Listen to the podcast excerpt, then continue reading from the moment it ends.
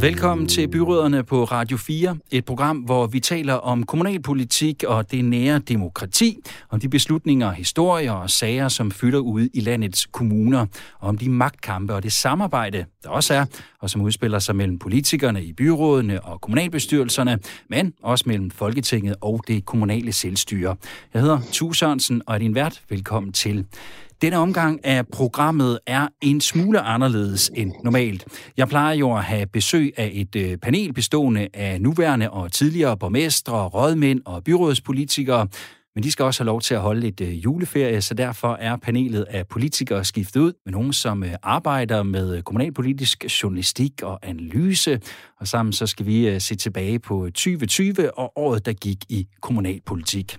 Der skal derfor lyde et øh, stort velkommen i, til panelet i denne særudgave af byråderne, som består af Kasper Kåsgaard, rådhusreporter og redaktør på mediet Altinget Hovedstaden. Godt at se dig, Kasper. Ja, tak fordi jeg måtte komme. Og også velkommen til dig, Kim Dahl Nielsen, redaktionschef på Jyske Vestkysten. Tak skal du have. Og sidst, men absolut ikke mindst, Thomas Funding, politisk redaktør på uh, Avisen Danmark. Også godt at have dig med. Mange tak. Vi øh, skal som sagt se tilbage på 2020-året, der gik i kommunalpolitik, og selvom vi jo ikke skal uddele nogle priser som sådan, så har jeg alligevel valgt uh, nogle kategorier, kan vi vel godt kalde dem, som vi skal snakke ud fra. Det er årets største kommunalpolitiske sag, årets hårdeste armlægning mellem kommunerne, og så Folketinget, skråstrej regeringen, årets borgmester, eller er man mere til øh, fællesskabet, så kunne det også være årets byråd eller kommunalbestyrelse. Vi skal også have årets bummert i kommunalpolitik, årets mest oversete kommunalpolitiske historie, person eller sag, og så øh, slutter vi af med årets mest inspirerende kommunalpolitiske samarbejde. Vi skal have noget positivt at gå ud på, ikke? Der har været lidt at tænke over de her. Kasper, var det svært? Ja, jeg synes, øh, jeg vil heller ikke sige, at jeg er kommet helt i mål med Nå. et godt svar på alle seks kategorier, men så må men jeg håbe, at det er svar. Ja, ja. Okay, hvad siger du, Thomas? Jeg synes, det er svært at vælge nogle gange, ja? altså, fordi der er jo, altså, der, det er jo 98 kommuner øh, med hver deres historie, altså så lige, hvad er den største bummer, altså ja, puh, ja rundetårn eller tordenskrald. Ja, I har fået sådan frie fortolknings, øh, kan man sige, muligheder, om I vil gå sådan lidt mere landstækkende eller meget ultralokalt på det. Kim, var det svært? Det var det, og jeg er gået begge veje. Nå, okay. Både ultralokalt og så også landspolitisk. Lad os uh, tage hul på det, og så kan I jo få lov til at lægge ud sådan lidt på uh, skift. Årets største kommunalpolitiske sag. Thomas, hvad var det for dig? Men jeg har valgt en fra min, min egen lille andedam i, i Odense. Jeg bor selv i Odense, øh, hvor der har været øh, hen over det sidste øh, vel års tid en, en større diskussion omkring øh, salg af det kommunale eget fjernvarmeselskab, øh, for så til gengæld at bruge pengene øh, i kommunen. Det der har fyldt rigtig meget i Odense. Jeg synes, der er nogle principielle spørgsmål i det, som er, er super interessant. Det var sådan en, det endte med at blive sådan en, en lille kommunal version af en dongsag. Så det har fyldt øh, utrolig meget i det Jeg er sikker på, at man ikke hørt om det, hvis man bor i Aalborg eller København for den sags skyld, men fyldt rigtig meget i det Odenseanske menneske. Så, så jeg valgte en for min egen andendom. Og det er en sag, som også har betydning for borgerne i Odense Kommune. Det er det jo selvfølgelig, fordi at øh, de får deres varme den vej igennem. Men, men, men hvordan har den ellers betydning for dem? Det har fyldt rigtig meget, oplever jeg, i, sådan, i, i debatten i byen og i kommunen. Altså, det var noget, folk sådan instinktivt kunne, kunne relatere sig til, om man skulle sælge det der fjernvarmeselskab, hvor hver gang man øh, skruede op for, for, øh, for øh, radiatoren, så fik man varmen derfra. Det var sådan meget, igen meget nær historie, øh, som havde den her principielle øh, over- eller undertoner, man vil, omkring salg af, af kommunale ejede aktiviteter, eller offentlige ejede aktiviteter, der mindede lidt, og det gjorde det så ikke helt alligevel, men det mindede lidt om, om hele den her sag for, for år tilbage omkring salg af, af Dong. Øh, det var i hvert fald nogle af de samme energier, den trak på. Men det lyder meget som om, at det er selve beslutningen om, hvorvidt man skulle sælge det her, øh, eller ikke sælge det, der har været historien. Hvor måden den er håndteret på, har det også været en kilde til stor diskussion i Odense? Ja, i den grad. Altså, ja. Jeg tror, øh, opfattelsen generelt er, at, at øh, flertallet og, og borgmesteren er kommet galt afsted i håndtering, og det ender jo så også med, at det hele falder på, på jorden, og man ender med at, at droppe øh, det her salg. Øh, så, så selve håndteringen er jo et studie i sig selv, men der er bare rigtig mange kommuner, det er også derfor, jeg tog den med, fordi det er jo ikke bare, fordi det skal handle om et eller andet for Odense, hvor jeg selv bor, men, men der er mange kommuner, hvor man har de her kommunale aktieselskaber, hvor kommunalbestyrelsesmedlemmerne og måske i særdeleshed borgmesterne har deres, deres øh, øjne rettet øh, meget stift på de her øh, selskaber, som de kan se bare står der, og de får egentlig ikke nødvendigvis føler mange af de her borgmestre, mit indtryk, så meget ud af at have de der selskaber. Det er sådan lidt, altså det sølvtøjet ligger bare i skuffen. Øh, hvorfor kunne man, kunne man ikke få fat i de der penge, og så bruge det på noget andet? Så det, jeg tror, det bliver en debat, der, der kommer til at trænge sig på i mange andre kommuner, øh, og har også allerede gjort det. Kim og Kasper, øh, er det en historie, I har hørt om? Nu er jeg også øh, selv øh, vokset op på Fyn, så jeg har fanget den, ja. Okay. Øh, men øh, jeg ved da ikke, om mine øh, kolleger på Altinget, udover dem, der skriver om forsyning og kommunalpolitik, er sådan øh, helt nede i det. Nej, okay. Hvad med dig, Kim? Er det en, der er gået din næse forbi os, eller hvordan er det? Nej, det er det ikke. Nu arbejder jeg i samme koncern som Thomas, og derfor så lægger jeg også mærke til den slags historier. Og øh, vi har haft noget, der snitter øh, med både vores forsyningsselskaber, SE og EVI, og det er, det er i virkeligheden spændende, hvor mange øh, almindelige borgere, der lige pludselig også interesserer sig for de her forsyningsselskaber, når, når der sker noget. Der, altså, der er en enorm interesse. Normalt så betragter vi det som kedelige historier, ikke? Men, øh, men der er en enorm interesse, hvis der lige pludselig sker noget på området. Interessant. Kasper, årets kommunalpolitiske sag, hvad har den været for dig? Altså, øh, for Altinget Hovedstaden, hvor vi øh, primært øh, har fokus på København, så må vi nok sige, at det var, øh, det var MeToo og sexisme, der førte til, øh, til Frank Jensens øh, afgang utidig afgang som, øh, som overborgmester, og som jo også har været en, en kommunalpolitisk sag øh, bredt i Danmark, og øh, jeg har været det før. Det var lidt sjovt, der blev ligesom i gang sat øh, undersøgelser, KL sagde, at nu skal vi til bunds i det her, hvor udbredt det er i, øh, rundt omkring i byrådene, og så kunne man se, at den, de undersøgelser, de blev også lavet for, øh, for tre år siden, da MeToo øh, første gang rullede øh, fra USA, og også tidligere har vi set de der tal, så det er som om, at de der undersøgelser øh, ikke bare blev hævet frem på skuffen, man lavede nogle nye igen, men at der er en lidt anden stemning om det den her gang, at det skulle have lidt øh, konsekvenser, og fik det så også i hvert fald for Frank Jensen. Personligt for mig var det også øh, lidt, lidt spøjst, det Alting i hovedstaden her er forholdsvis nyt medie, så vi lancerede i, i starten af af oktober, vi havde Frank Jensen ind og, og, og sendte det første nyhedsbrev, som vi jo kører med på, på Altinget afsted, og så gik der to uger, så stod jeg til pressemøde, hvor han øh, meldte sin afgang, så det blev også noget, jeg selv blev, blev hyldet ind i. Ekstremt hurtig effekt af Altinget ja, ja. i hovedstaden. Altså. Når vi først rykker ind, så... men, men det må I også øh, kunne sige, øh, Thomas og Kim, at, at det selvfølgelig har været en stor øh, sag. Det er også en af dem, der måske har fået mest øh, bevågenhed overhovedet. Det er jo den her historie om, om den, øh, den store, stærke overborgmester, øh, kongen af København, kunne man næsten sige, en stor profil, ikke bare kommunalpolitisk, men også øh, landspolitisk, der lige pludselig bliver, ja, som det første i hvert fald, kommunalpolitiske offer i den her anden MeToo-bølge, der har været. Jamen helt bestemt. Altså, jeg har det på, som min årets bummert Den med Frank Jensen. Til, så. øh, så. så. jo, helt bestemt. Altså, det var jo en kommunalpolitisk sag, der, der gav genliv lyd langt ud over, langt ud over Københavns kommunegrænser. Øh, Men jo, altså, vi har jo set det i rigtig mange kommuner efterhånden i større eller mindre grad. Altså, den starter jo egentlig, sådan, i hvert fald i min historik, for nogle år tilbage i Nyborg Byråd, øh, hvor øh, socialdemokratisk byrådsmedlem der, Sonja Marie øh, Mikkelsen, tror jeg hun hedder, øh, øh, er ude med en kritik af, af unavngivende mandlige kollegaer, der skulle have øh, befamlet hende øh, i, i Nyborg Byrådet. Og, og for altså, de her år tilbage, der udvikler den historie sig jo til, at hun på en eller anden måde bliver, altså får en meget hård behandling, tror jeg, af mit indtryk, og det er sådan set dokumenteret ret øh, effektivt, af øh, offentligheden og også af, af, af navngivende personer, der går i rette med hende, altså hvorfor hun ikke vil sætte navn på, og hvad hun egentlig bilder sig ind, og så videre. Det siger også noget om, hvor hurtigt altså, hele den her debat omkring MeToo har ændret sig, fra at, at hun ligesom ender med at være problemet, i hvert fald i mange øjne, til at altså, den mest magtfulde borgmester i det her land ender med, med at, at må gå. Ja, Kim, hun, og hun, ja. var, undskyld, hun var også med nu her igen til at bringe det på banen igen, da det blev en kommunalpolitisk sag, og har været fremme, og har jo så også ligesom er blevet borgmesterkandidat nu for sit øh, parti, så er i hvert fald kommet ud på den rigtige side, må man sige. Kim, der har også været nogle øh, sager i, øh, i blandt andet Esbjerg Byråd, som øh, I jo dækker for, for Jyske Vestkysten. Øhm, Altså, jeg en, sjov, en sjov sag, ikke? ja, det ved, det ved jeg næsten ikke, om det er, men altså, nu er det jo blevet dækket meget. Nu er det måske også lidt fortaget sig lidt igen, fordi der også er nogle andre ting, vi selvfølgelig har skulle koncentrere os om i det her land. Men, men jeg tænker, som, som medier, det er vel også en af, en af de ting, altså den her sexisme og den manglende ligestilling, der jo er, ikke bare i, uh, i kommunalpolitik, men i dansk politik som helhed, som, som man som medie skal til at følge op på også i, i den kommende tid, tænker jeg. Ja, vi øh, prøver at lave både rundspørger og så gå direkte ind i, øh, i historien. Øh, jeg tænker, at der hvor vi blandt andet selv som medier kan gøre noget, det er simpelthen at, at fremelske blandt andet øh, kvinderne i vores dækning. Øh, jeg har sådan månedlige, øh, månedlige samtaler og analyser osv., der viser, hvor, øh, hvor skævt vi i virkeligheden også i medierne dækker, dækker kvinder og, og, og kvindelige politikere. Og det gav hele den her MeToo-bølge også øh, udslag i øh, forskellige historier. Så det er helt sikkert noget, vi skal være opmærksom på, både som medier, men også som politikere. Det bliver jo sådan lidt, altså også lidt, den der diskussion, synes jeg, bliver lidt øh, hønnen og ægget, ikke? Altså fordi, at når man kigger på øh, byråds, øh, byråd og kommunalbestyrelser, som de er flest, så er det altså gråhårede mænd, der sidder der. Altså, det er ældre mænd, der sidder langt overvejende i de forskellige kommunalbestyrelser, med undtagelse, som groft sagt, af de, de større universitetsbyer.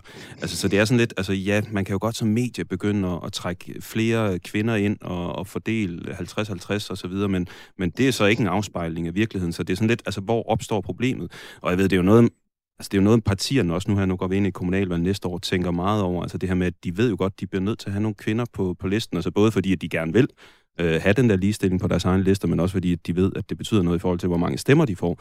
Men de har meget svært ved at finde øh, kvinder til, øh, på listerne, er mit indtryk, især i den der alder, hvor man har børn og, og skole, øh, skolebørn.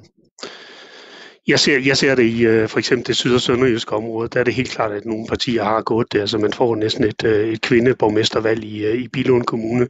Man har Eva Kær, der lige pludselig stiller op som en som tårnhøj favorit i, i Kolding Kommune. Og så Ellen Tran Nørby skal forsøge at vælge en socialdemokrat i, i Sønderborg.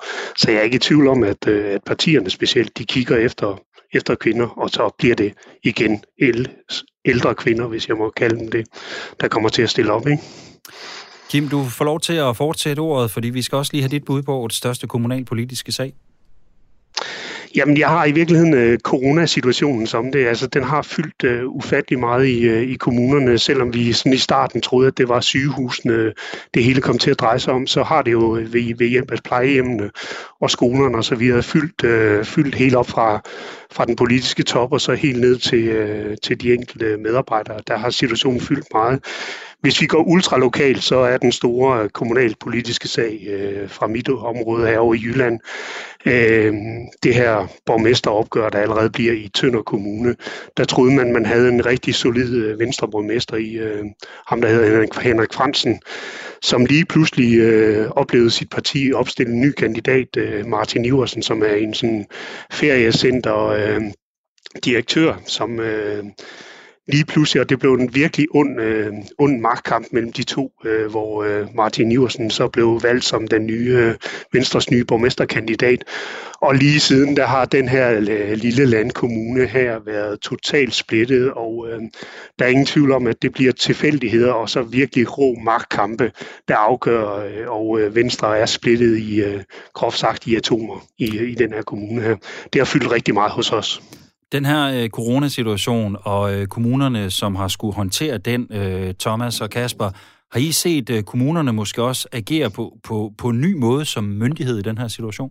Jeg synes, det har været spændende at se, hvordan kommunerne er gået til den her opgave. Altså, jeg synes, det har været, og det, og det er jo også den eftertanke, der er i mange kommuner, mit indtryk. At det her med, hvad sker der egentlig, når man dropper alle de der regler og byråkrati og red tape og alt det der øh, for, hvordan opgaverne skal løses, og egentlig bare siger til øh, øh, børnehaven, øh, Svanegården, nu må I selv lige finde ud af, altså det her det er problemet, I skal løse det sådan nogenlunde i den retning. Hvordan synes I finde ud af det? Altså, den, altså den der opgavevaretagelse, hvor man bare har skubbet det ud på de enkelte institutioner, på de enkelte altså, øh, altså øh, frontlinjemedarbejdere, altså øh, hvilke, altså, hvilke, hvor, altså det ansvar, der er opstået ud af det, synes jeg har været super interessant at følge, og det er også, altså det er jo det, man virkelig snakker meget om i den kommunale verden nu. Altså hvordan tager man det ejerskab, som, som de her øh, medarbejdere, øh, og det er ikke et eller andet, der kommer ud inden for rådhuset og bliver proppet ned over hovedet på folk, hvordan får man sikret det ejerskab fremadrettet også i, i i, hvordan opgaverne bliver løst, ude, i, altså ude hvor borgeren møder, møder kommunen. Kasper, kan man måske ligefrem sige, at kommunerne har vist, at det her med det kommunale selvstyre, det har de altså styr på, det kan de altså godt løse, de kan godt løfte et større ansvar? Altså jeg vil sige, det er helt sikkert rigtigt, at det bliver spændende, at man kan føre de her erfaringer videre, men, men man skal heller ikke øh, glemme, at det har også kostet en masse frustrationer ude de steder, både hos politikerne og hos de ansatte, der har skulle udføre øh, ja, retningslinjer, som ikke er skrevet endnu, og, og, og opfinde den dybe tallerken på, på noget, et problem, man, man ikke dybest set kender. Men, men ja, altså det er jo, jeg kan sige, det er jo gået godt øh, i forhold til lande, vi kan sammenligne os med, og der, der, der har kommunerne i hvert fald en, en stor del af, af fortjenesten for det, fordi det er jo der, vi møder vores systemer, og det er dem, der skal sætte de, øh, ja, hvad kan jeg sige, mekanismer op, vi skal agere i, og børnehaver og skoler, og det, og det er jo virkelig der, der skal ændres hurtigt, og det har jo også været sådan lidt frustrationer politisk med, nu hører vi, at der er møder med regeringen, vi er ikke selv blevet inviteret endnu, som vi så hører til at for nyligt, men det er jo simpelthen fordi, det, det skal gå så stærkt, og det, det er der i hvert fald noget at lære af. Kasper, øh, du får lov til os nu, den her gang, og øh, fortsætte med at have ordet. Vi hopper videre til næste kategori, som jeg har valgt at døbe årets hårdeste armlægning mellem kommunerne og Folketingets skråstreg regeringen. Nu har jeg i hvert fald øh, i løbet af året i den periode, hvor programmet her har sendt, har stået og lagt øre til rigtig mange øh, borgmester og byrådspolitikere, der er frustreret over ja, alt det med ja, Folketinget, alle de rammer og alle de ting, de propper ned over dem, og de ikke, som du også nævnte før, Thomas, måske ikke bare kan få lov til at, at løse tingene lidt på deres egen måde, fordi de ved bedst ude i kommunerne. Så øh, der har i hvert fald, øh, overordnet set, er der jo en, en, en kamp, en magtkamp i, i, imellem de her to parter. Har du øh, kunne finde noget specifikt, som du har øh, tunet ind på i år? Jeg har nogle, nogle stykker, og nu får jeg jo lov at starte, så jeg, jeg tager en, som jeg forestiller mig, at vi alle sammen har, har skrevet ned, nemlig udligningen. Øh, ja. det kunne være, at jeg skulle tage en af de andre. Jeg tror, jeg tror, pladen, pladen fuld der. Ja, er, det, er det pladen fuld? Hvad siger ja. du, Kim? Jamen, øh, han snuppede min. Jamen, øh, det er også fint nok. Øh, så, så har vi ligesom den på plads. Hvorfor, øh, hvorfor var det så stor en, om, øh, en armlægning? Jamen, det handler bare om rigtig mange penge, og det handler om magtforhold, og også en form for retfærdighedsfølelse af, hvad, både hvad man skal bidrage med, og hvad man kan sådan, se sine egne borgere i øjnene med, hvad, hvad man vil gøre med de penge, man får fra dem. Øh, og så er der jo der er alle mulige ting på spil, og det har jo kørt i, i lang tid, og endte jo så med at blive ja, nu sidder jeg med, med hovedstadsperspektivet, hvor det ligesom blev fast fra start, at der skulle afleveres nogle flere penge, end, end, end der var blevet før. Man skal måske lige sige, det handler om øh, de penge, man, man øh, spiller ind med til sådan en pulje, som skal fordeles øh, i forhold til, hvad der er af indtægter i de forskellige kommuner. Og der blev puljen så udlignet på den måde. Der var nogle kommuner, der skulle afgive nogle penge, og så var der nogle andre kommuner, ja. der fik nogle penge. Og det er ikke noget nyt, at man gør det, men det skulle ligesom øh, laves om, øh, fordi der var nogle, nogle skæve incitamenter i den. Og, og det endte ikke så, så galt, som hovedstadskommunerne måske havde regnet med øh, på forhånd. Der kom nogle penge fra staten også, der gjorde, at, øh, at der var lukket nogle huller, som ikke skulle tages fra deres kasser. Så på den måde tror jeg egentlig, man er, man er godt tilfreds i, i hovedstadsområdet. Thomas, bliver den her armlægning også øh, det, det større af, at der måske også er noget partifarve her, som lige pludselig øh, kommer ind og spiller ind, at øh, der måske sidder nogle socialdemokratiske borgmester rundt omkring og ikke er tilfreds med det, deres øh, partikolleger i regeringen de gør, og den måde, de fordeler pengene på? Jamen helt sikkert, altså selvom partierne på Christiansborg ikke vil være ved, at de ligesom sidder og forfordeler der, hvor de selv har borgmester, og hvor de selv har stærke vælgerbaser, så, altså, så er det i høj grad også, ikke kun, men også det, der foregår. Altså jeg er ikke sekund i tvivl om, at man har siddet i statsministeriet eller i Socialdemokratiets ledelse og kigget på, da man, inden man skulle spille ud, okay, hvor mange socialdemokratiske kommuner bliver ramt af det her positivt negativt, hvor mange venstre kommuner bliver ramt positivt negativt. Vi bliver nødt til at have nogle af de der venstre kommuner med, fordi det er dem, vi gerne vil lave en aftale med, så vi kan ikke lave noget, der kun er rødt det har betydet sindssygt meget for, hvordan øh, den her aftale er endt med at blive skruet sammen. Udover at man selvfølgelig også har kigget på nogle af de her socioøkonomiske faktorer. Altså det handler jo grundlæggende om at give kommuner, der måske ikke har super godt grundlag til selv og, og økonomisk at drive kommunen. Der er måske mange arbejdsløse, der er mange, der er oppe i årene, der er mange børnefamilier, altså der kræver mange, altså, som er dyre, øh, og så tager man simpelthen penge fra nogle af de kommuner, som har bedre vilkår for at, at hive skatteindtægter ind. Kim, øh, sådan spørgsmålet i det her for mig, det er jo også sådan lidt, når man, når man fordeler pengene her og udligner lidt imellem dem, så er der nogle borgere, tænker jeg, øh, der får det lidt bedre i de kommuner, hvor de får nogle penge og gør godt med. Men går det også ud over borgerne i de kommuner, som skal af med nogle penge? Selvfølgelig gør det det. Jeg lagde mærke til, at øh, jeg så også det der røde kort, hvor man havde, hvor man havde øh, givet flere penge til de, til de røde kommuner for, for ligesom at tækkes dem. Jeg, jeg bor i sådan et blåt område, hvor det er de, øh, hvor det er de blå øh, landkommuner, der, der sådan dominerer med, med venstre borgmester i spidsen. Og de fik faktisk en, de fleste af de kommuner fik faktisk en, en chat penge. Og det gjorde det for dem, øh, at øh, budgetlægningerne var, blev i virkeligheden meget udramatiske, og der var, øh, der var faktisk nogle af specielle landkommunerne, der havde råd til, til lige netop at give noget ekstra til, øh, til de ældre, til skolerne osv. Og, og på den måde, der blev, det, der blev lige netop udlændingsreformen i øh, Syd- og Sønderjylland sådan en øh, indgang til, at, øh, at det næst sidste budget før valget, det blev, det blev ganske, ganske udramatisk, fordi man kunne give nogle penge til, øh, til borgerne. Jeg tror også, det bliver interessant at se, altså, hvad det betyder for dynamik. Altså, nu, nu er du inde på, Tue, lige før, det her med, at du har haft mange igennem her kommunalpolitikere, der har siddet og, og, og, og klynket over øh, offentlig øh, styring, eller styring fra central hold og så videre, vi får ikke nok penge og så videre udligningsreform, eller den manglende udligningsreform, fordi Kasper har ret, den har været udskudt af rigtig mange gange, øh, har fået skyld for rigtig meget ude i kommunerne. Altså hver gang, der har manglet penge til et eller andet nyt øh, fortorv eller et eller andet i ekskommune, så har det været udligningsordningens øh, skyld, eller det er også fordi, de ikke giver os nok penge på Christiansborg. Nu er den her udligningsordning kommet, så altså, nu, nu fanger bordet altså i højere grad for de enkelte kommunalbestyrelser. De bliver nødt til at komme også til i højere grad fremadrettet at tage ansvar for deres egen kommuner, for deres egen kommunes økonomi. De kan ikke længere altså fedt sig ind under det her udligningsreform, som mangler, og som ikke øh, til gode ser dem, og det er jo og alt sammen urimeligt. Så kan det være, at øh, de kan bruge corona som undskyldning i stedet for. Det er jo ikke til at vide. Det kan Kasper ja, markere lige. Ja, det er faktisk lige nok det, jeg skulle til at sige. Og, og på den er der måske også en armlægning, fordi der har jo været en masse udgifter, der skulle afholde ude i kommunerne, og en form for øh, lovning tidligt i forløbet fra staten og regeringen om, i skal nok få pengene tilbage for det her. Men det er ikke en til en, og det er også, der er ligesom to kasser i det, så der er en, der er til de øh, udgifter, de har til overførselsindkomster, når der er stigende arbejdsløshed, som jo har taget, det først begyndt at komme nu her, fordi folks opsigelser osv. Og så er der udgifterne til service, som, hvor den ikke er lige så klar, altså når man skal ud og lege nye lokaler og hyre vikarer ind og købe værnemidler og sådan noget. Og, og det, den pågår løbende. Hvad er det, med kommunerne kan regne med at få også, refunderet? Også en reel diskussion om, hvad er så coronaudgifter, og hvad er ikke. Og, altså det i sig selv kan man jo se meget forskelligt på, og gøre også. Øh, det var øh, over torsdag armlægning mellem øh, kommunerne og så øh, Folketinget, eller skråstreg regeringen i det her tilfælde. Du lytter til Byråderne på Radio 4, et program om kommunalpolitik, denne gang i en særlig året, der gik i kommunalpolitik udgave. Mit navn er Tue Sørensen, og med i programmet her er et panel bestående af Kasper Kåsgaard, rådhusreporter og redaktør på mediet Altinget Hovedstaden, Kim Dahl Nielsen, redaktionschef på Jyske Vestkysten, og Thomas Funding, politisk redaktør på Avisen Danmark. Nu skal det handle om, hvem der i øh, ja, panelets øjne har været årets borgmester, eller hvis øh, chefen ikke har klaret det alene, så øh, årets byråd eller øh, kommunalbestyrelse. Kim, jeg tror, det er din tur til at lægge ud. Kan det ikke passe? Hvem er det for dig?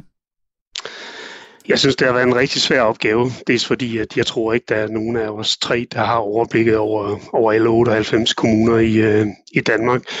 Øh, jeg har valgt øh, to, der har sådan øh, medvind på, øh, på cykelstien. Øh, og øh, så vælger jeg den ene. Den ene var øh, Ib Christensen i, øh, i Bilund Kommune, som øh, i virkeligheden har meget medvind, fordi at øh, det går rigtig, rigtig godt for Lego i øjeblikket, og derfor så han, kan han være en visionær borgmester, hvor, øh, hvor der er rigtig meget modvind vind på ham, og pengene de, de flyder ind i kassen, og han kan groft sagt lege, lege julemand. Men i det her blå land som øh, Syd- og Sønderjylland, så vælger jeg øh, den socialdemokratiske borgmester i Sønderborg, som igen også har medvind med sig på grund af, at øh, pengene de strømmer ind i den største industrikoncern, vi har i Danmark, Danfoss, som underbygger på alt muligt. Og øh, Erik Lauritsen, han har faktisk som socialdemokrat øh, været spidsen for en enorm byudvikling, øh, der ender med, at den her kendte kendiskok, Jesper Kok, han øh, har en gourmet-restaurant på 17. etage, og øh, Erik Lausen har også været en af dem, der, hvor det er lykkedes at tiltrække Tour de France, som så dog venter med at komme til 2022. Og så lykkedes det ham simpelthen indtil videre at holde, øh, holde sådan venstre fra, øh, fra magten i, øh, i Sønderborg Kommune. Øh, og, og det er i virkeligheden sådan stik imod en socialdemokrat i, øh, i mit område, at øh, det, det er en, der kan gøre det. Så ham, øh, ham har jeg peget på. Årets mm. borgmester, så for dig, Kim, øh, Erik Lauritsen, der skulle en uh, gourmet-restaurant, et uh, Tour de France, og så det at holde fast i magten til, det er vel, det er vel sådan set også uh, tre ganske fine argumenter for at, at sige, at man er årets borgmester.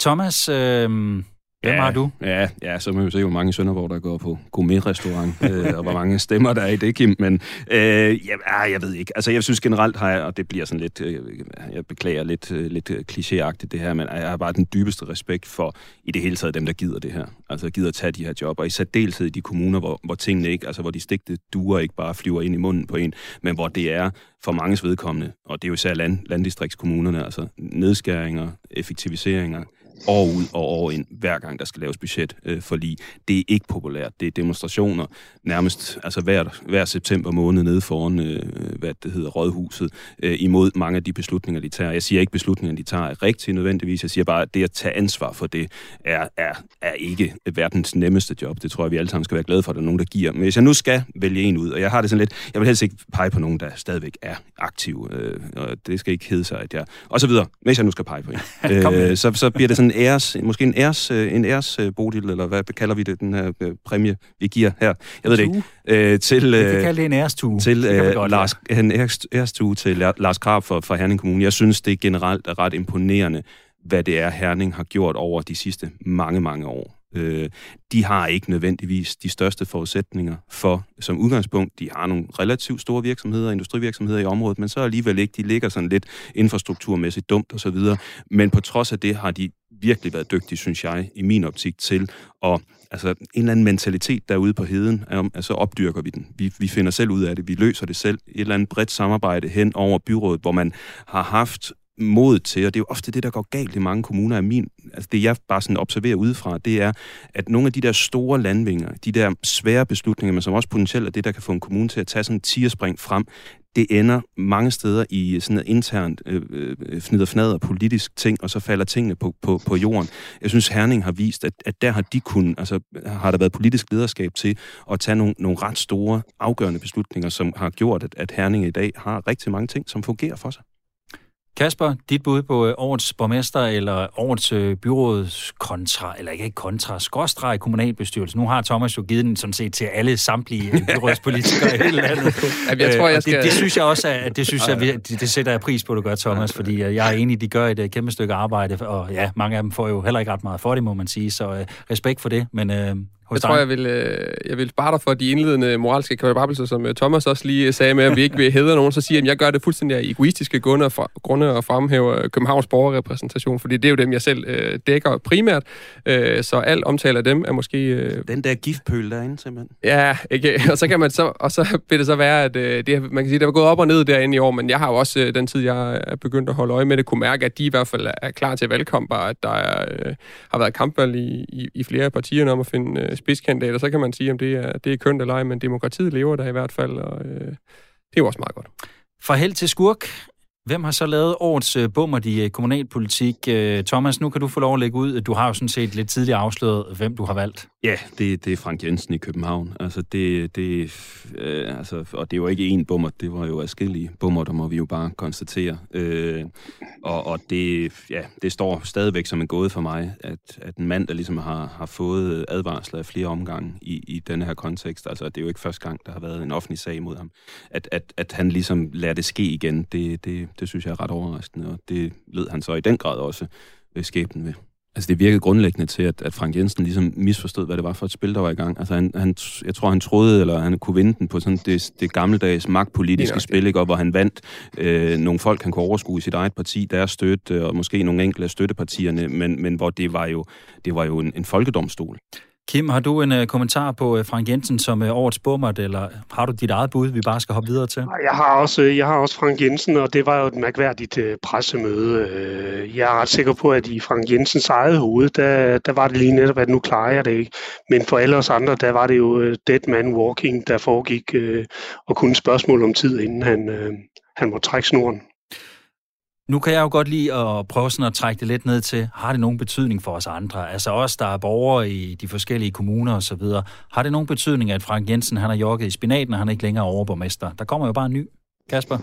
Der kommer en ny overborgmester, men jeg tror da også, at, øh, at der kommer en ny linje, fordi øh, det var ligesom det moment, der var, man kan sige, i, under det hele lå der også sådan et generationsopgør, så jeg tror også, der kommer en, en, en anden anerkendelse af, af ungdommens stemme og sådan noget i, i lokalpolitik. Nu er det jo København, så der er de jo også aktive, sidder mange unge i borgerrepræsentationen, så jeg tror måske, at vejen bliver lidt mere banet for dem nu, og også for vælgerne og de aktive ude rundt omkring, hvis man skal nævne en enkelt ting. Jeg synes så, altså jo længere tid jeg har beskæftiget mig med, med kommunalpolitik, desto mere går det op for mig. Det er lidt noget andet i de store byer, fordi at, at, at styreformen er anderledes, men, men i de kommuner, der egentlig bare har almindelige ud, udvalgsstyre, som er langt størstedelen af det 90 eller mere, der har det, betydning af borgmesteren kan simpelthen ikke undervurderes. Altså, jeg er ked af at sige det, glem det der med, rød eller blå eller socialdemokrat eller venstremand, det betyder ikke særlig meget. Det, der betyder noget, det er, hvad er det for en type borgmester, der, der, der sidder der? Er det en person, som har gennemslag, som er i gang,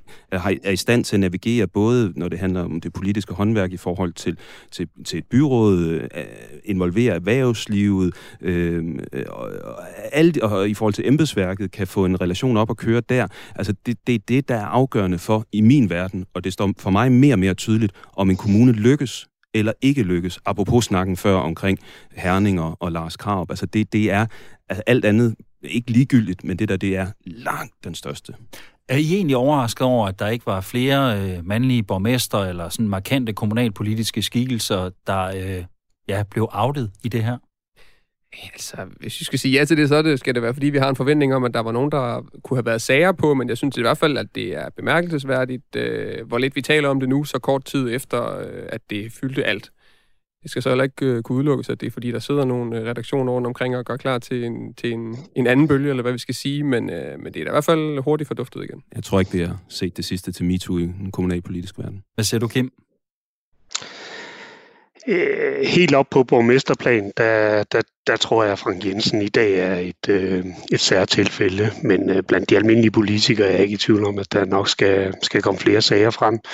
Øh, borgmestertypen kender jeg, kender jeg mere fra, fra, fra gamle dage, fra 20-25 år siden, øh, hvor øh, der var rigtig meget alkohol med i, med i spillet, og, øh, og det var den der over for kvindelige journalister og, og kvinder i politik, lille duer og så videre og berøringer. Øh, jeg ser, at, øh, at meget af det er forsvundet i dag. Kasper, vi skal også lige have din årets bummer, eller har vi også været der med Frank Jensen? Altså, jeg havde jeg tænkt, at uh, hvis det ikke var mig først, så skal jeg også have en, en, en, en honorable mention. Som vi, vi kan også uh, ude i Ishøj tage Ole Bjørstorp, som også blev... Ja, uh, god, god, god idé. Ja, ja tak. tak. Jamen, det var det. Ja. Hvorfor?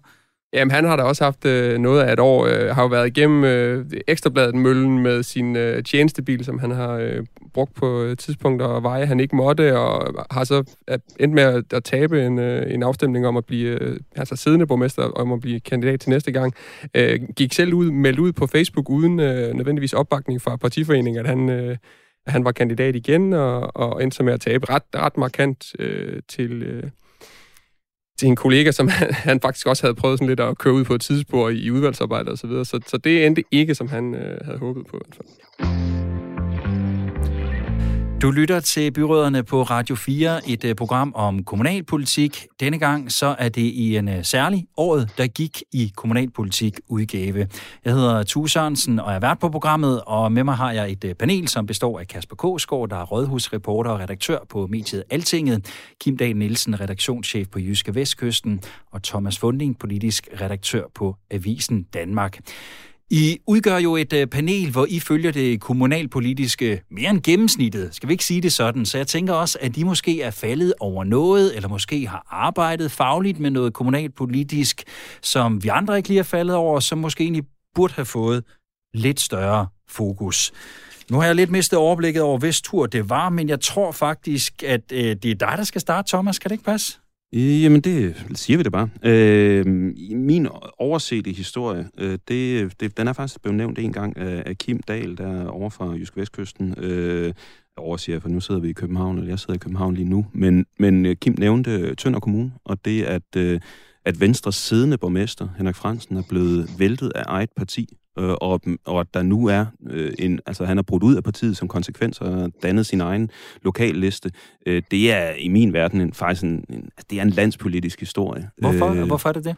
Jamen, fordi at der, altså, det, det er bare så eksplosivt. Altså, det er så dramatisk. Altså, et parti, altså, han, han, han vandt magten, han stod til at genvinde magten, og så vælter partiet ham på, på, på mødingen. Øh, og der har været kæmpe, som Kim også var inde på før, et kæmpe sådan, øh, intern magtspil kørende der, og, og der har været øh, hvad det hedder, freds, øh, FN, øh, fredbevarende styrker, skulle jeg næsten til at sige, er blevet udsendt fra København, fra Venstre i København. Jeg ved, jeg tror, jeg ved ikke, givet Jakob, Jakob, Jakob, Jakob Ellemann har, øh, har, været, Øh, har jo været i FN's øh, var det fredsbevarende eller fredsskabende styrker øh, tilbage i hans officertid. Jeg ved faktisk ikke, om han selv har været derovre. Men altså partiet har ligesom været over at forsøge at male det der, men alligevel er det eksploderet fuldstændig. Det synes jeg er en ret stor historie. Øh, men Jysk Vestkysten og Kims folk har, har dækket det rigtig, rigtig flot. Den burde have fået mere opmærksomhed, synes jeg. Kim, jeg går ud fra, at I har dækket den øh, på behørig vis øh, på Jyske Vestkysten. Hvorfor er det egentlig så interessant en historie, når der sker de her interne magtkampe i nogle øh, kommunalpolitiske partier? Det sker jo fra tid til anden. Det er jo ikke, fordi det er første gang. Det er fordi, at det, øh, det kommer frem for dagens lys, at, øh, at det lige pludselig sker, og så også, at det sker overnight. Altså, man havde set øh, Henrik Fransen lave nogle ting, der kunne tolkes øh, sådan lidt i øh, nepotismens lys, og øh, han havde lavet et, øh, et par fejlvurderinger. Der var, der var nogle budgetter, der var løbet løbsk og så videre. Men så, øh, så er der lige pludselig et, øh, et flertal af hans allernærmeste venstrefolk, øh, som, øh, som groft går ud og finder en anden kandidat og øh, får, får lavet den her kandidat, øh, kandidatkamp på en, øh, på en mark. Vi er i coronatiden på en mark i Æreskov. Og øh, det, der gør historien endnu mere mys... Nu, ikke? Det lyder som sådan, på fredsbevarende styrke af solsorte sletten nede i Bosnien her, Herzegovina. Altså, det er sådan, altså, og så mødes man, og så drager man stål, ikke? Ja, og så var der, så var der, altså, der, der er stadigvæk mystik om 50 stemmer. Altså, øh, alle var kørt i bil der, der til for, for, for at afgøre den her. Og lige pludselig så mangler der 50 stemmer øh, at blive opgjort, og øh, der er ikke rigtig nogen, der har kunne give svar på, hvor, hvor, hvor pokker blev de af i den her afstemning. Der kommer alle aldrig en anden afstemning, og, på, og derfor vandt øh, den her Martin Iversen øh, øh, borgmesterkandidaturet, og, og derfra der er partiet Venstre jo blevet splittet fuldstændig ad. Og, øh, ja, fordi det er jo ikke kun, eneste, Henrik, det eneste, ikke kun Henrik Fransen, der er gået ud af partiet nu. Han har også taget en, en del af sine tidligere kolleger fra Venstre med over i, i den her tønderliste nu, ikke?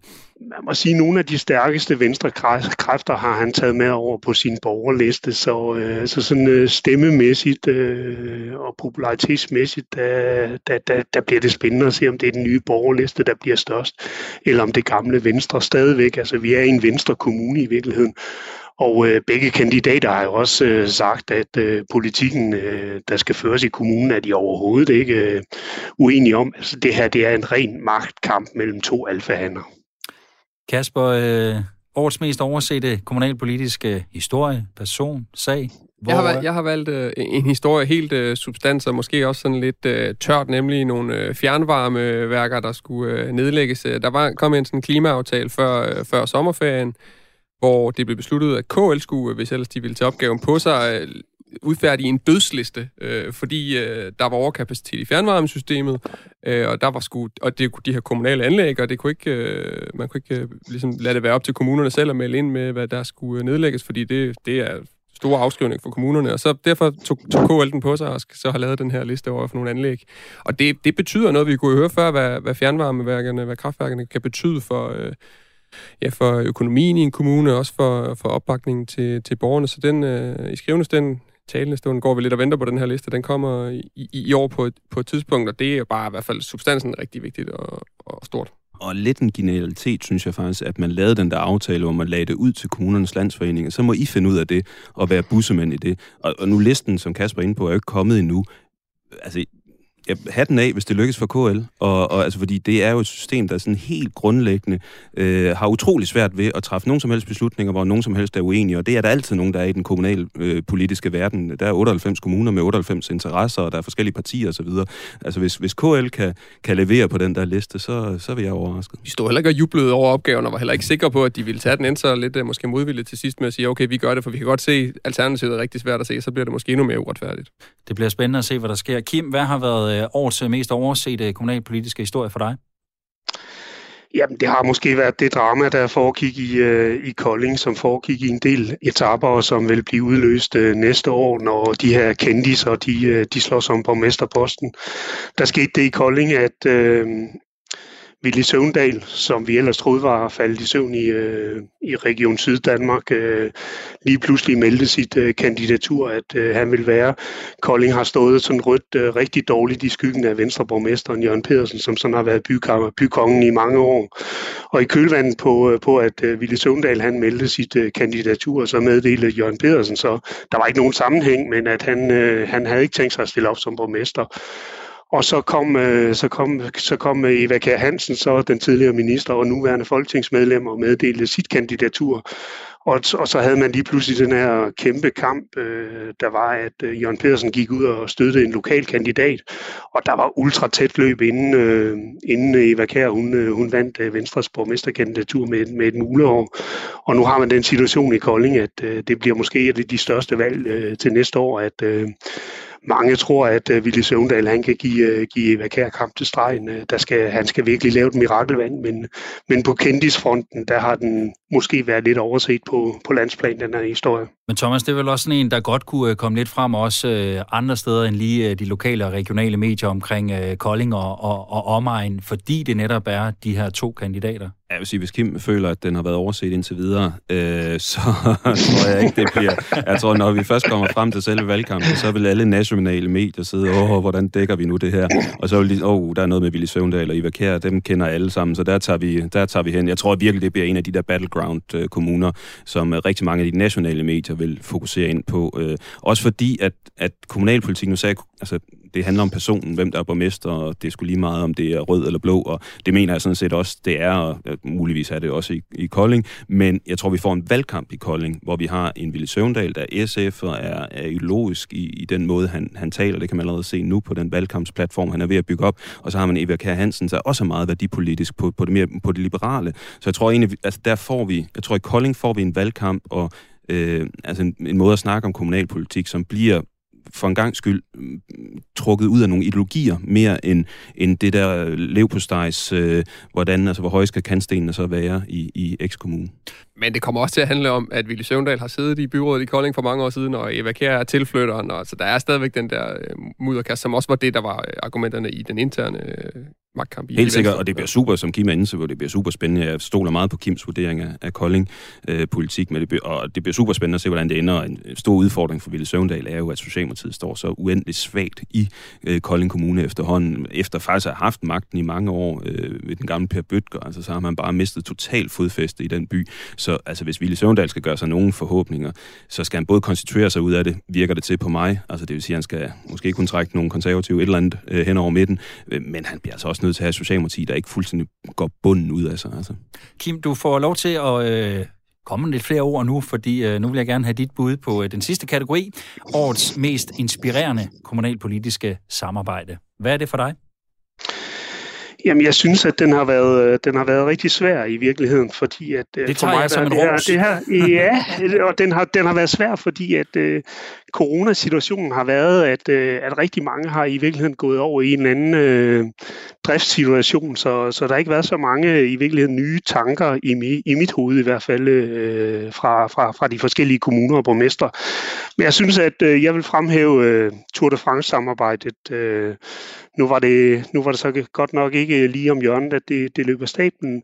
Men det ser ud som om samarbejdet mellem København, Roskilde, Nyborg, Vejle og, og Sønderborg, som sådan er de primære kommuner, at det kører derud af, og man, øh, man røg ikke ind i nogen skænderier her, da man skulle øh, fremskrive det til 2022 også, og så videre. Ikke også? Og det ser ud til, at, øh, at det kører det, der så bliver spændende, det er, når, når gildet skal betales undervejs, og til sidst, øh, om, om der står opstår nogle, nogle store uenigheder mellem dem osv. Men øh, det er imponerende flot, at det lykkedes i, øh, i fællesskab at, at få det her Tour de France til, øh, til Danmark, og at øh, man faktisk øh, ser det ud til at have lavet en, det rigtige arrangement. Hvad siger I to andre? Et, øh, et, et tur samarbejde kommuner på tværs. Inspirerende? Ja, vel, det er i hvert fald et eksempel på, at man, altså ret mange aktører over en ret lang periode har været i stand til at holde kæft og så samarbejde om noget, som de helt sikkert gerne har ville fortælle om. Altså det synes jeg jo egentlig er, er ganske imponerende og også lidt fagligt irriterende, at det lykkedes for dem. Ja, så har det jo også i hvert fald øh, i København og hovedstaden vist, at der skulle arbejdes hurtigt lige pludselig, fordi det kom til at overlappe med et EM, og så gjorde det ikke alligevel, og frem og tilbage, og er jo så til synligheden eller andet.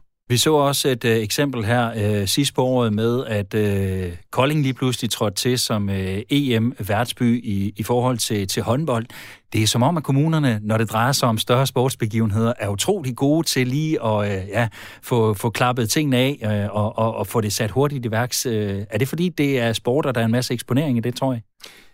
Det er jo i hvert fald vurdering i mange kommuner. Altså jeg synes, man måske, og det har jo, synes jeg også, i historien har vist, at nogle af de der events, og det er jo både på kultur og på sport, altså kan man efterfølgende nok diskutere, altså hvad har værdien så egentlig været for den pågældende øh, kommune. Det virker generelt til, at mange kommuner er begyndt at bevæge sig væk fra de der enkeltstående events, hvor det er et år, og så er det væk igen.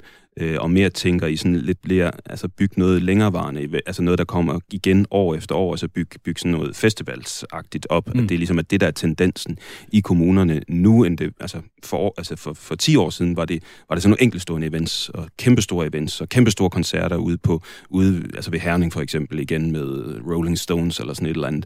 Øh, og det, det virker det til, at der har været en eller anden tendens, oplever jeg i kommunerne, hvor man mere prøver at bygge noget op, der sådan kontinuerligt kan give en eller anden værdi til den pågældende kommune. Oplever du samme tendens, Kim?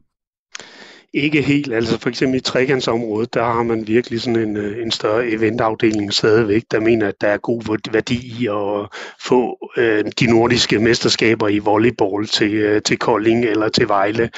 Øh, jeg synes, der blev for eksempel lavet god journalistik på, øh, hvad er værdien så for eksempel af Tour de France, når vi går helt tæt på og så videre. Og det, det viser sig jo, at øh, den, er, den er i virkeligheden ikke så, så, så god, som de her eventfolk, de, øh, de mener, den er. Så jeg tror, Thomas har ret i, at øh, på det lange sigt, så, så, er det, så er det noget, man går mere og mere væk fra. Kasper, der venter jo også et øh, uh, EM i fodbold, måske i uh, København, som uh, Københavns Kommune har været uh, er inde over, og som jo også er en kæmpe begivenhed igen.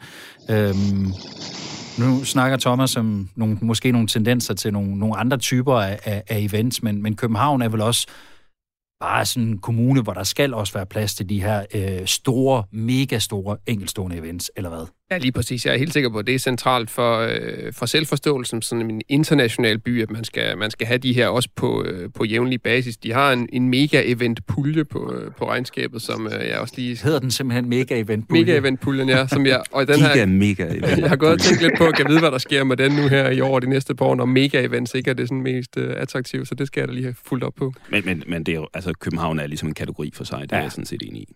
Thomas, øh, hvem har øh, været sådan det mest inspirerende kommunalpolitiske samarbejde i din bog? Ja, men jeg bliver lidt kedelig, altså, men, men jeg synes, det der corona har været, har været inspirerende, og det har været imponerende at, at se, hvor hurtigt den her kommunalsektor generelt set har kunne rykke på. Altså fordi en ting er, at Mette Frederiksen sidder og holder koordinationsudvalgsmøder, og så bliver enige om dit og dutten dat. Altså, så følger der jo en kæmpe implementering, hvor der er altså rigtige mennesker, det er fysiske ting, der skal ændres, det er øh, helt lavpraktisk ned på den enkelte bummelum, hvor, hvor øh, altså man skal finde ud af, hvad gør vi så? Det er jo sket ude i kommunerne, i høj grad ude i kommunerne. Altså, det er jo dem, der har løftet det langt hen ad vejen. Det, det har jeg virkelig været imponeret over at se hvordan den kommunale sektor bare har kunne løfte der på ingen tid. Altså hvor hurtigt, prøv lige tænk over tilbage i marts måned, da vi lukkede ned. Og også bare, altså da vi så startede op igen, altså hvor mange forandringer der er sket der på, på, på kort tid, og det synes det, det er super inspirerende i forhold til, og sætter også en ny standard for, hvad der kan lade sig gøre. Altså, øh, der er ikke nogen i den kommunale sektor, der skal komme og fortælle en journalist fra nu af, at, at, at hvorfor gør jeg ikke sådan, der ah, men det er bum, altså, det, altså alt kan jo lade sig gøre efter det her, hvis man bare vil, åbenbart. Jeg har sådan en lille case, der måske kan illustrere det, Thomas, hvad, hvad Thomas siger. Mine egne døtre øh, har nogle lærere, der, der, der, må jeg godt sige, har været sådan øh, teknologiforskrækket. Og så ser man lige pludselig, og øh, har også holdt arbejdstiderne osv. Og, og så oplever jeg lige pludselig en lørdag, at øh, mine døtre, de, øh, de bliver ene undervist af deres lærer i matematik over Teams. Øh, det er en forvandling, der skete i løbet af to måneder, og som jeg, jeg havde ikke set den komme. Jeg er sikker på, at hvis man spørger kommunerne, så vil de sige, at vi har altid samarbejdet og udvekslet erfaringer på tværs og så videre. Men har I alligevel en forventning om, at når der sker sådan noget som en, en pandemi, vi aldrig har stået i før, og hvor, hvor det bliver så bidende nødvendigt for kommunerne at udveksle de her erfaringer og gøre det på meget kort tid, og så få dem implementeret, at, at det også er noget, de tager med videre fremover? Ja, det, det føler jeg mig i hvert fald overbevist om, at de, at de selv har en forventning om. Jeg kan så måske have en forhåbning, fordi, øh, må vi se, hvordan, hvordan, hvordan det bliver. øh, det, det er jo svært, og, og det er jo også fordi, der har været givet frie rammer, øh, og det er jo ikke sikkert, at de består. Altså nu kører der så som lidt tid på sådan nogle frie øh, kommuneforsøg på nogle forskellige, det ved jeg det har I talt om her før. Og, og, og hvis det er et spor til, at, at der skal foregå mere af sådan nogle øh, frie rammer, så kan det da godt være, men, men der er også en grund til, at der er blevet lagt rammer ned fra start af, og må ikke det, en del af dem vender tilbage igen. Hvad siger du, Thomas? Men helt altså det er jo det, der nu er i gang med at ske. Nu kører, nu kører de her frikommuneforsøg, hvor, hvor man så inden for forskellige øh, områder har fået ja, lov, forskellige kommuner har fået lov til, altså der er ingen regler at sætte, sætte i gang. Hvordan kunne I, altså hvis vi skulle starte forfra, hvordan vi så organiserer beskæftigelsesområdet, uddannelsesområdet osv. osv. Øh, og, og det skal jo så på den anden side af det, når man har gjort sig nogle erfaringer, det plus erfaringen fra corona, skal du så måne ud i den her meget omtalte nærhedsreform, øh, som regeringen øh, varsler med. Øh, og det bliver spændende at se, hvor meget der egentlig holder ved, fordi Kasper er jo fuldstændig ret. Altså lige så fascinerende, inspirerende, og vi støtter alle sammen op lige nu, fordi der er corona og sundhed, folkesundhed osv. Øh, lad os nu se, altså, hvor, hvor, hvor stor tålmodigheden også er i befolkningen. Altså, med en, altså, allerede nu kan jeg jo mærke, bare der hvor jeg, altså, i, et lille eksempel fra min hverdag, øh, hvor Kim han kom med sine døtre, altså, øh, Odense Kommune, kommunerne håndterer, øh, håndterer det her med, om man må, altså om ungerne må have, have, have, have julepakker, altså kalenderpakker med. Det er forskelligt fra skole til skole, øh, alt efter hvordan de tolker, øh, altså hvad, hvad restriktioner der skal være på corona. Det tror jeg uden at nævne mig selv, gør det alligevel, at der er nogle forældre, der synes er lidt underligt. Øh, og det er jo det, altså vil vi, vil vi fuldstændig have fri leg ude i kommunerne på de enkelte institutioner, hvilket jo også kommer til at betyde, at, at opgavevaretagelsen, bare for at bruge et virkelig træls ord, men den måde, tingene bliver gjort, bliver gjort vil være vidt forskellige. Vi vil acceptere det, og, og, og hvilken rolle vil pressen i den sammenhæng øh, spille, fordi at mange af de her regler og ting er jo også kommet ud af, at øh, X-medier har lavet en historie om, at, at nu øh, er de dårligere stillede der i forhold til den anden kommune, og hvordan kan det være? Om så kommer nogen fra Christiansborg og siger, så skal der være nationale retningslinjer og minimumsnormeringer normeringer osv. osv. osv. Altså, så hvor stor er vores egen tolerance egentlig også for, at tingene kan gøres forskelligt øh, og med forskellig faglighed også? Jamen, jeg tror, at, øh, at mange afdelingschefer, øh, skoleinspektører og, øh, og underchefer i, øh, i hele det kommunale system har sådan smagt øh, den forbudte frugt nu, og derfor så kommer de til at lave nogle løsninger, der er smartere. Og så har Thomas jo ret i, at øh, så kommer det bagefter. Den her forskellighed, kan vi leve med den, at øh, der er nogen, der kommer til at klare sig bedre end andre, fordi vi ikke har opstillet nogle rigide regler. Øh, det bliver spændende at følge. Kasper, vi mangler stadigvæk øh, din årets mest inspirerende kommunalpolitiske samarbejde. Du får lov til at slutte. Ja, tak. Sikke en ære. Øh, jeg har valgt øh, et, et klimainitiativ, DK 2020, som egentlig vist nok blev startet i 2019, men når nu både navnet og sådan, øh, den endelige store udrulning af det er sket i år, så tænker jeg, det kunne jeg godt slippe afsted med. Det er et, et, et, et Realdania-initiativ, hvor nu 66 kommuner har ligesom gået sammen og sagt, vi melder klimahandlingsplaner ind med henblik på at nå nuludledning senest i, i 2050. Så sådan, rammen er jo måske lidt, lidt tør, men, men jo virkelig vigtig, og en, en kæmpe sag også, øh, som vi har set i valgkampene, og også øh, kommer til at se i næste valgkamp, helt sikkert, øh, på det grønne, og de skal så ligesom certificere, så de samarbejder om det. Der er fire af dem, der er blevet det indtil videre, men der, der er meget i vente der. Det er jo så opstået øh, uden for kommunerne, men øh, KL er med, og, og, og en hel masse kommuner, om, og inspirere hinanden og hjælpe hinanden med det her, som kan være lidt uhåndgribeligt, øh, men som virkelig skal være, øh, være nærhed. Jamen, øh, det er jo også godt at høre, at øh, det grønne, det ikke er blevet helt glemt her i coronaen, også ude i øh, kommunerne. Det var øh, årets mest inspirerende kommunalpolitiske samarbejde, og jeres øh, bud på det. De her, vi er ved at være ved vejs, inden, inden vi lukker helt ned, så kunne jeg egentlig godt lige tænke mig at øh, spørge jer, om I tror, der er nogle af de her sager, som vi nu lige har siddet og talt om, øh, som har defineret 2020, og det kan jo både være de gode og de mindre heldige, der får betydning for det øh, kommunalvalg, der venter i øh, november 2021. Hvis I skal pege på en ting, hvad skulle det så være? Så bliver der stille. jo, men altså, ja, bum. Øh, altså, hvis jeg, det er nu, jeg gider ikke jeg ignorerer spørgsmålet og siger, hvad jeg selv holder øje med. Øh, der er utrolig mange kommuner, der skal have ny borgmester.